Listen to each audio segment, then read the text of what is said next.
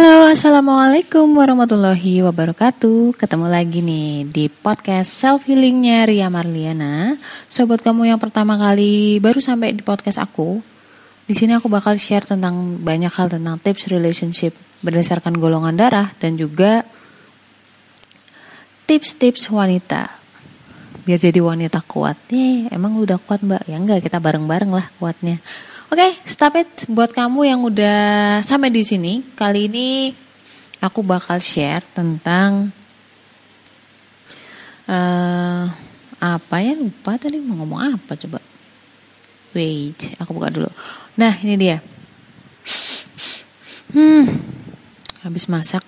Oke, jadi aku bakal buat kamu mungkin yang udah ngeklik podcast aku yang ini, episode ini Mungkin sama nasibnya dengan semua orang yang dengerin sebagian besar ya. Bagi yang sedang terjerat hutang, itu tips cara melunasi hutang. aku terus terang terus terang ya jujur jujur jujuran saat podcast ini aku uh, buat gitu. Terus terang aku masih punya hutang dan itu hutang yang berbunga.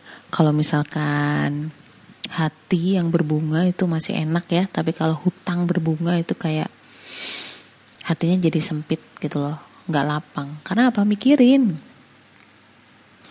Sobat kamu yang kamu sobat kita semua yang sedang terjerat hutang riba terutama Jangan ke mana-mana kita akan bareng-bareng mencari formulanya biar hutang itu segera lunas dan kita bisa bebas merdeka tanpa hutang. Itu sumpah hidup terenak itu hidup tanpa hutang men gitu hidup tanpa hutang bisa ngasih orang.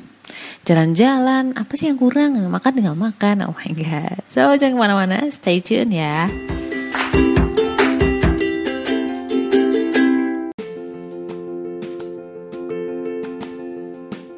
Pengen naklukin diri sendiri atau pengen naklukin hati golongan darah B, wajib banget baca. Jangan deketin golongan darah B sebelum miliki buku Beauty in Abyss ini tenang aja karena bahasanya tuh bukan yang ilmiah-ilmiah banget. Ada cerita, ada narasi tapi nggak sepanjang novel-novel drama atau sastra. Cuman 25 ribu. Link pembelian terlampir nih.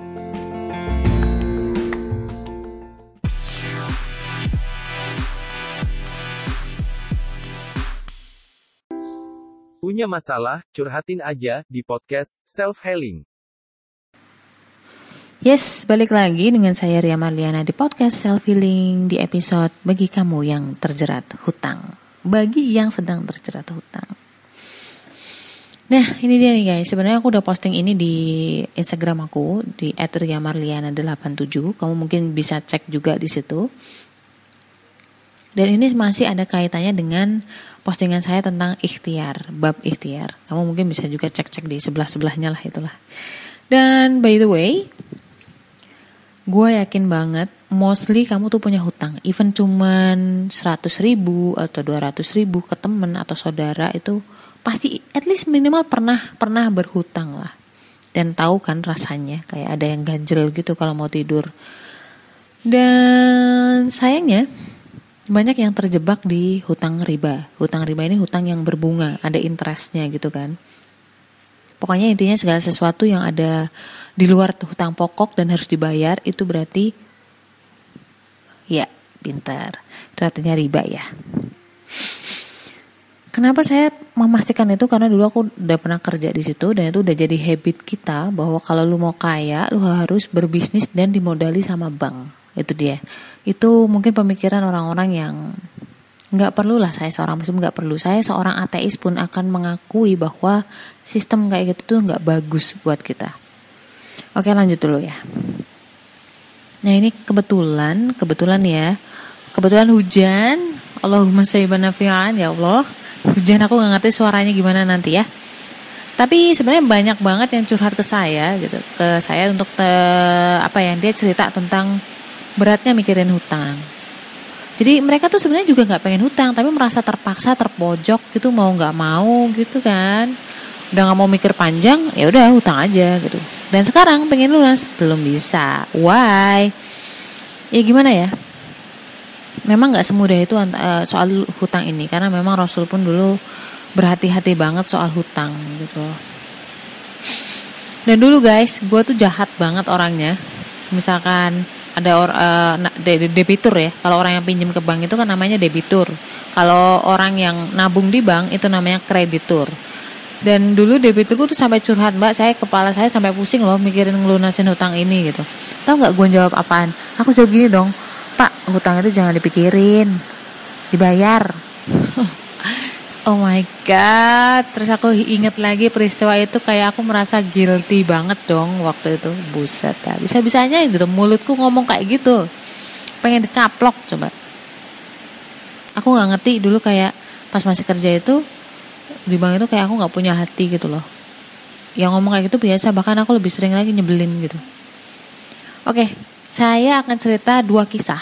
Ini kisah yang pertama dulu ya guys. Hmm, jadi kisah yang pertama dia adalah orang yang terus terang punya jabatan, gaji yang lumayan, tapi kebetulan dia terjebak hutang gitu ya. Dulu mungkin karena dia pengen beli rumah, beli mobil, pikirnya ya udahlah nanti potong gaji kan. Zaman sekarang gitu tinggal potong gaji udah selesai kelar hidup loh gitu kan. Dan yang pertama ini adalah orang yang mati-matian menabung, berhemat, kerja banting tulang dengan motivasinya adalah lunas hutang. Dan setiap malam tentu selalu kepikiran karena dia udah nggak tahan di kerjaan, dia pengen keluar tapi mau nggak mau harus melunasin hutang kan dan dia belum bisa.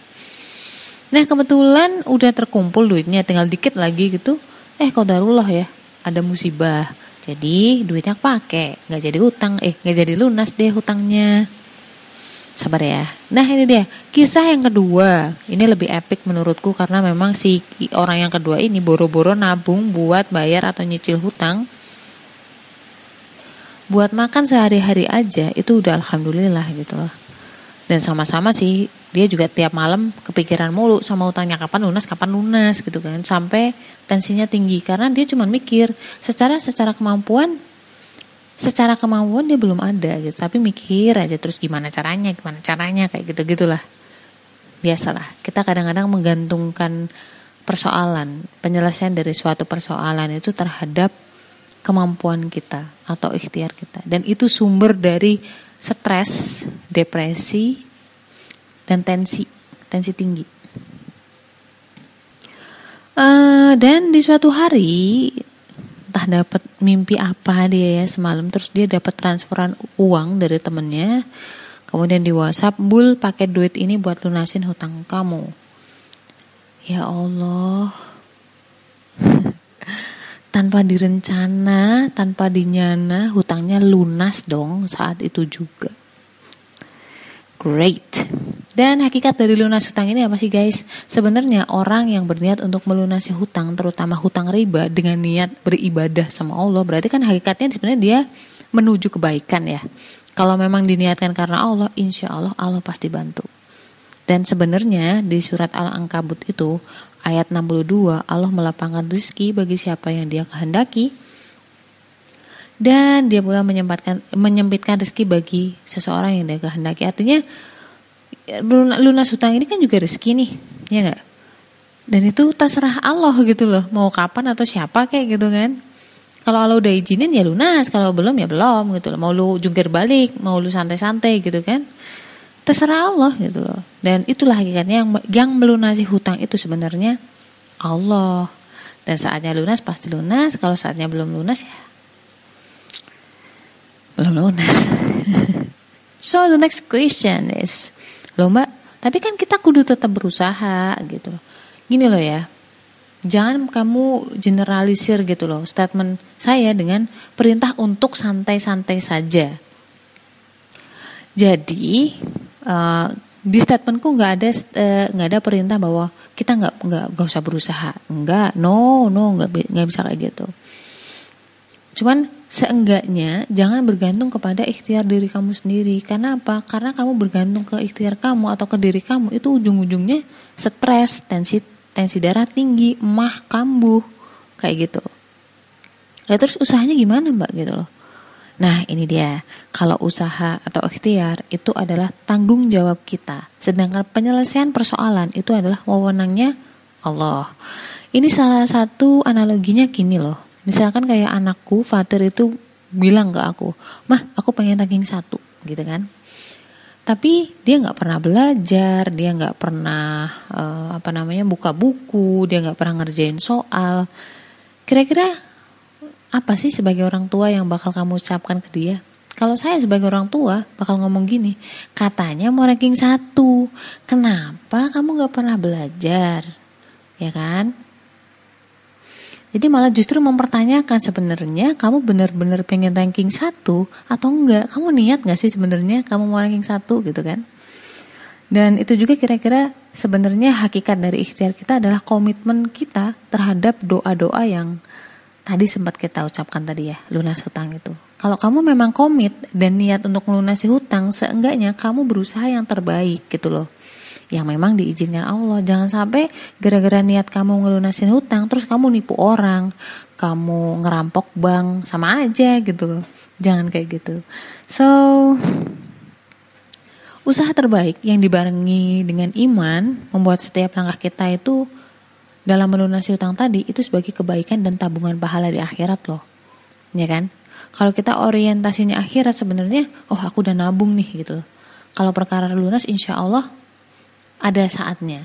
Tapi seenggaknya setiap langkah saya menuju ke sana itu menjadi pahala dan tabungan saya di kehidupan nanti gitu kan itu kan sebenarnya harusnya udah tenang ya dengan seperti itu gitu loh jadi dua orang sama-sama berikhtiar terbaik ditakdirkan lunas di saat yang sama bareng gitu ya satunya bonus dapat bonus stres dan juga tertekan gitu. dan satunya di, dikasih bonus ketenangan dan pahala gitu loh. Sekarang tinggal kamu pilih yang mana gitu loh. Jadi Allah sudah menakdirkan lunas tapi pilihan itu tinggal di kamu. Kamu memilih untuk hidup tenang atau memilih uh, jalan yang membuat kamu tuh kayak berat gitu loh. Itu pilihan namanya. So guys itu ya sebenarnya yang mau aku sampaikan gitu loh. Jadi poin pentingnya adalah jangan bergantung kepada ikhtiar kamu, tetapi ikhtiar kamu itu jadikanlah sebagai komitmen dari doa-doa kamu. Kira-kira paham maksud saya? Dan guys kita berdoa bareng-bareng semoga kita segera diangkat dari jeratan hutang insya Allah. Kalau niat kita baik, saya udah banyak membuktikan pelan-pelan tapi pasti saatnya lunas hutang itu pasti insya Allah di ini kok itu kadang-kadang banyak hal yang di luar nalar saya mengalami gitu loh. Ya guys nggak usah sedih nggak usah tertekan. Berdoa berusaha yang terbaik sewajarnya manusia lah gitu. Nggak perlu yang sampai ngoyo kerja 24 jam nggak seperti itu. Itu namanya kamu maksain. Ya so pertanyaannya adalah uh, kira-kira Kira-kira selama ini pernah gak sih kamu mengalami keajaiban-keajaiban yang di luar nalar gitu ketika justru kamu berserah. Kamu bisa DM aku di Instagram @riamarliana87 atau juga bisa DM aku di Twitter ria underscore marliana dan aku tunggu ya sebenarnya. Assalamualaikum warahmatullahi wabarakatuh. Podcast ini dipersembahkan oleh